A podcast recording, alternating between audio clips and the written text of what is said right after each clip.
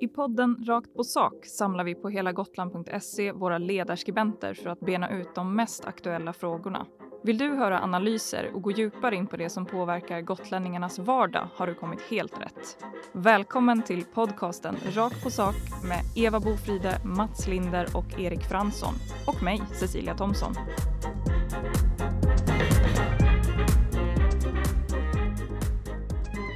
Vi ska ta oss till hösten 2017 då metoo-rörelsen uppmärksammades över hela världen. Hur var det då och vad har hänt på fem år? Ja, det tänkte jag att Mats Linder, Eva Bofride och Erik Fransson ska dissekera i veckans avsnitt. Varmt välkomna hörni! Tackar, tackar. Minns ni vad ni trodde då för fem år sedan att eh, metoo-rörelsen skulle få för konsekvenser i samhället? Vad, fanns det några liksom förhoppningar då? Jo, men eh, visst fanns det förhoppningar. Det, det, det kändes som någonting eh, fräscht eh, ur, ur all sunkighet som den viste. Eh, så kändes det ändå som, som fräscht att det uppmärksammades och togs upp och, och eh, gjordes eh, brett. Ehm, det, det, det som jag hade hoppats på och som, som är lite svårt att egentligen veta ifall det slår igenom, det var ju den här eh, alltså grundläggande problematiken som vi har i samhället. Eh, som, som är bred, där, där, där kvinnor överallt får, får stå ut med sånt här. Och, och det var det som jag kände kunde kanske, som, som lyftes och, och som kunde få eh, bättre förutsättningar, liksom, att, att eh, det skulle gå bort. Liksom. Det var, det var liksom den, den förhoppning man hade och det, man, det jag trodde att det hela skulle utmynna i. Eh, sen är det lite svårt att veta ifall det faktiskt har hänt. Håller du med Eva? Ja, jag håller med om... Äh, nu är det svårt att i efterhand tänka så här, hur tänkte jag när det satte igång? Liksom. Men den äh, grundläggande känslan var ju äntligen, liksom, äntligen kommer de här sakerna upp konkret på bordet. Inte bara att, att det finns det här, de här strukturerna finns utan också vad är det i, i liksom konkret handling man pratar om. Det tyckte jag var väldigt befriande. Och det kändes ju då som en eh, revolution, det måste man ju säga. Att nu eh, kommer vi aldrig mer att kunna gå tillbaka till det här. Nu, nu har alla fått sina ögon öppnade. Sen visste ju att den här revolutionen den omvandlades ju efterhand till att handla om massa andra saker som tog fokus från eh, kärnfrågan, vilket ju också är symptomatiskt när man pratar om det. Att det finns alltid något annat man hellre då ska prata om och um, något annat problem som ska lyftas istället för det här. Då. Men den eh, spontana känslan var ju äntligen. Mm. Tänkte att vi skulle komma in lite på det där med skiftat fokusen också. Men eh, Mats, minns du vad du eh, tänkte och kände när eh, det här briserade? Inte exakt hur det var då, men det, det jag skulle vilja säga någonting om är, är väl, det tycks finnas nu en, en, en rätt utbredd besvikelse över liksom att inte världen var för evigt totalt förändrad. Ja, kanske förhoppningarna var lite väl stora på att, att allting skulle förvandlas, förvandlas som ett trollslag. Eh, eh, jag tycker ändå det har blivit annorlunda. Um, det finns en mindre tolerans för liksom svinaktigt beteende eh, nu än vad det gjorde tidigare. Och folk är mer benägna, tycker jag, att, att säga ifrån. Och att markera att det här är, är inte acceptabelt. Ja, men jag är beredd att hålla med Mats. Eh, sen är det frågan hur pass, hur pass djupt det, det sitter. Men, men absolut. Eh, och det, det, kan vi ju se i den här artikelserien som, som GA har gett ut också. Att, att de tjejer och kvinnor som, som ger sig till tals där, de, de säger att de har fått råg i ryggen och, och, och ehm, större självförtroende och faktiskt kan säga ifrån på ett bättre sätt. Och de blir måtte på ett bättre sätt också när de säger ifrån, även av, av manliga kollegor, till stor del. Sen finns det ju en, eh, eh, man måste skilja på den här problematiken metoo och en annan problematik i relationerna mellan män och kvinnor som handlar mer liksom om, om våld och förtryck i relationer. Eh, som egentligen är två olika saker och, och, på det området har det väl inte vad jag kunnat bedöma hänt så mycket alls. Nej, i en av de här eh, artiklarna då som eh, GA har publicerat eh, så berättar åklagare Susanne Wilborg som har arbetat med sexualbrott i snart 30 år att det är ungefär lika många sexualbrott som anmäls idag som det var innan eh, 2017. Men det är väl lite som eh, Mats var inne på att, att metoo handlade väl liksom om hela eh, hela rörelsen handlar om hela skalan från opassande kommentarer och eh, till liksom de grövsta brotten som, som våldtäkt och annat våld. Ja, alltså jag uppfattar att metoo handlar inte om eh, det som är brottsligt, för det är ju ganska givet vad det, hur det sorteras liksom i, i allting, utan det här handlar ju om de här osynliga strukturerna som som kvinnor i all tider har liksom fått vant sig att så är det. Och man, det handlar ju om makt också, att man inte alltid kan... Eh, alltså det handlar ofta om män i maktpositioner eh, som håller på med sådana här hela... Det är ju, grejen var ju också att det kom fram att det här finns ingen särskild grupp. Det här förekommer ju precis överallt.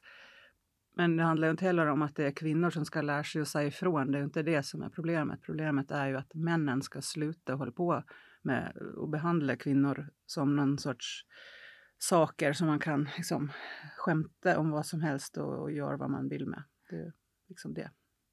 Har män slutat behandla kvinnor så sedan 2017, Eva? Jag tror att fler har slutat. Mm. Det tror jag absolut. Men sen finns det ju, det finns ju kvar ändå.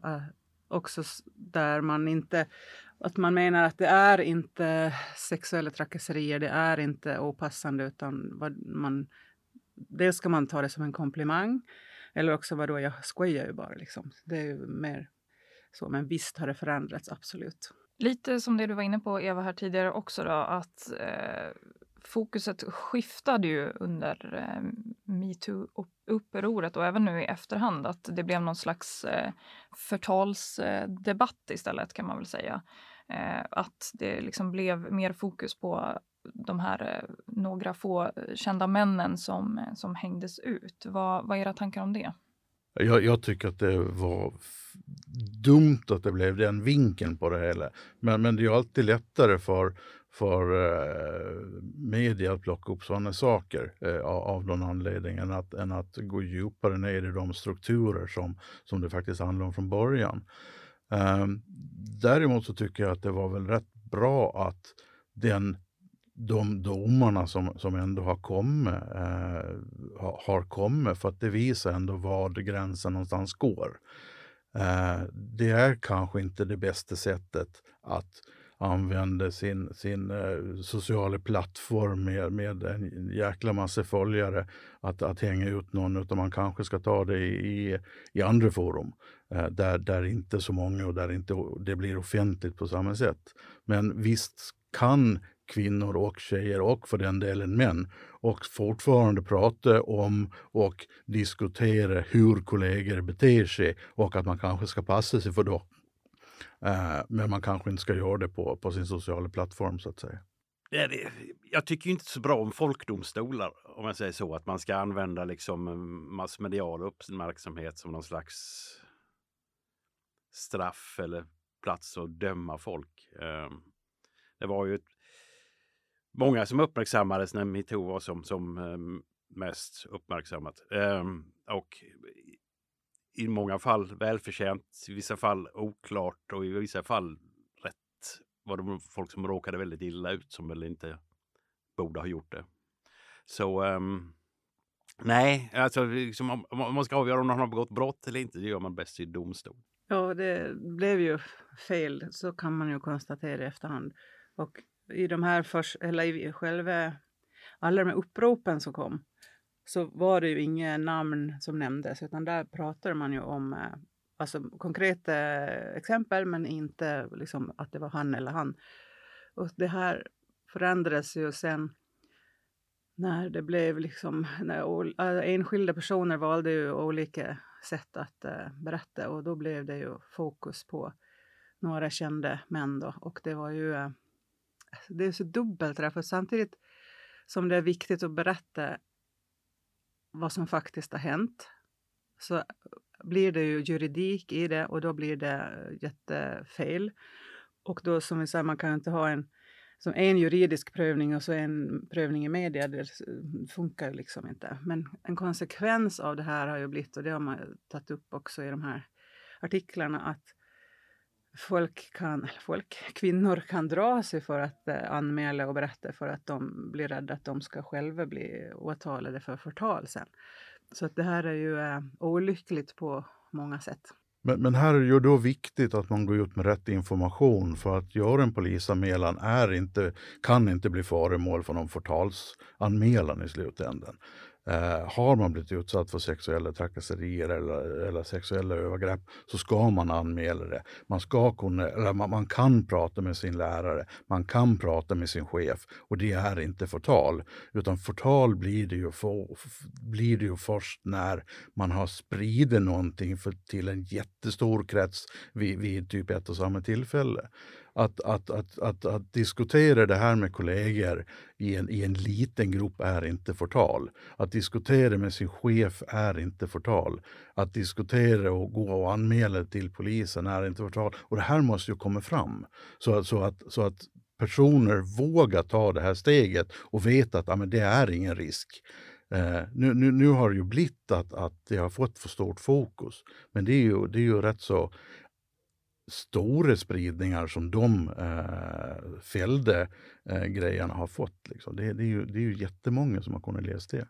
Ja, det är ju som sagt inte kanske många som är insatt i förtalslagstiftningen utan det är mer så här signalen det skickar att eh, man får inte rätta. Det är väl det som är problemet. Men sen håller jag med om att man måste informera både om det och, och mycket mer om, om allting liksom som eh, som man inte är okej, okay, som man ska, eh, inte ska behöva acceptera. Och det var ju väldigt aktuellt i, under den här, eh, alltså i början kan man väl säga att det var mycket så information. Nu har det ju mer, eh, ja, nu pratar vi ju om hur det var för fem år sedan och liksom man rekonstruerar vad som har hänt och så där.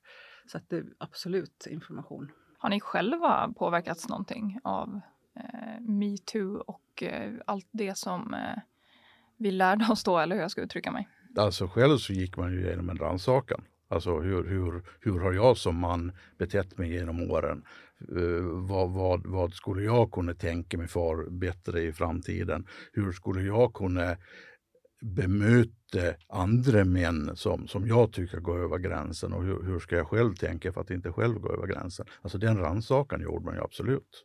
Vad tror ni vi behöver göra då för att inte glömma bort det här och att eh, fortsätta påminnas? Nu har det gått eh, fem år och eh, ja, vi vill ju gärna ha med oss de här lärdomarna och kanske till och med förbättras. Vad, vad behöver vi göra för att inte glömma? Jag kan säga så här, vi har väl, vi har väl levt liksom i västvärlden med någon slags föreställning att världen automatiskt på något sätt ska bli bättre och bättre. Där människors men, eh, respekten för människors värde ska liksom långsamt ska öka och, och, eh, demokratin ska långsamt sprida sig. Det finns ingen sån här automatik, utan man måste slåss för de här utvecklingarna liksom hela vägen. Oavsett om vi pratar demokrati eller, eller metoo eller, eller uh, människovärdet så, så det måste alltid försvaras. Och, uh, det är inte någonting, en kamp som kommer liksom att plötsligt vara klar och vunnen. Men det, det, finns ju bra exempel på saker som har hänt och som pågår och som, som gör att, att saker och ting kommer att förändras. Tänk på bland annat locker, locker room talk, där, där eh, man, man går ut och informerar i, i idrottsklubbar där du har eh, i, i, i grabblag om, om hur de ska bete sig i omklädningsrummen, liksom, hur de ska prata, hur snacket ska gå. Skolorna är på det här och där jobbar man jättemycket med de här frågorna. Så att det, det finns ju, det finns ju bra, syn, alltså bra tecken på att framtiden kommer att se bättre ut. Samtidigt som, som föräldrarna har ett jäkla stort ansvar också. Barn gör inte vad föräldrar säger utan de gör vad de gör. Eh, och, och där finns ju ett problem då med tanke på att det ännu finns, finns svin där ute. Ingen vila, ingen ro, Eva. Nej, så är det. Och framförallt så ska det inte heller behöva hänga på eh, enskilda personers intresse att driva de här frågorna, utan det här måste ju finnas överallt. Och, eh, sen är det lite konstigt att det är så många, eh, det, väldigt många kvinnor som uttalar sig och engagerar sig men inte lika många män. Och det är ju, eh, blir ofta så här eh, någon sorts försvarsmekanism att man tror att man att, liksom, skuldbelägger alla, 100 procent av alla män, vilket ju är eh, inte så. Men vi behövs liksom fler som eh, pratar om det helt enkelt. Nu har vi gjort ett litet, litet bidrag till just det. Stort tack till er som har lyssnat på det här avsnittet och tidigare avsnitt av Rakt på sak finns precis som vanligt på helagotland.se under fliken poddar och program.